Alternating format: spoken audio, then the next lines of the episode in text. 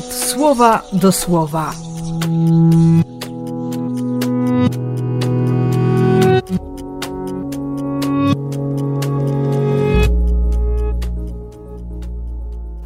Dziesiąty czerwca, sobota.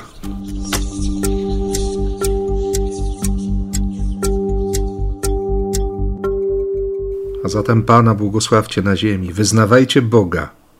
I odszedł. Chodzi oczywiście o Archanioła Rafała. Zrobił to, co polecił mu Bóg i odszedł. Na oklaski nie czekał, na żadne zainteresowanie, na dziękczynienie, na czołobitność, na cokolwiek. Nie domagał się tego. Miał ogromną radość z tego, że wypełnił wolę Boga, że cały był w woli Ojca Niebieskiego. Już wczoraj sobie pomyślałem, że, że tak trochę zazdroszczę.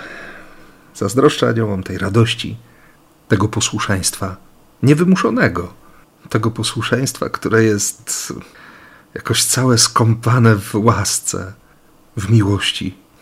No i w sumie właśnie takiego serca chcę dla nas, dla Ciebie i dla mnie. Serca, które słucha, serca, które rozpozna właściwą drogę, serca, które nawet w tych momentach ciemnych, wybitnie niepewnych, nie straci pewności obecności Ojca, nie przestanie wierzyć miłości. To trochę tak jak, jak w tej dzisiejszej Ewangelii. Z jednej strony konkretne ostrzeżenie, by uciekać od hipokryzji, by się nie dać zwodzić a później ten wzrok utkwiony nie w skarbonie, tylko w ludziach, którzy, którzy ofiarują coś na potrzeby świątyni. I pojawia się kobieta wrzucająca dwa miedziaki, całe swoje życie.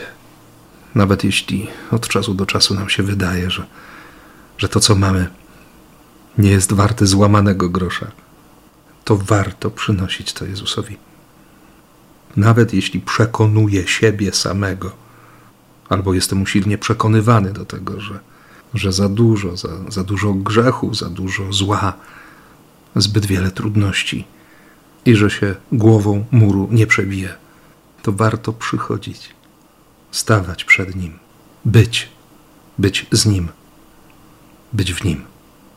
Tej wierności Ci życzę, tej nadziei i tej anielskiej radości, takiej wiary.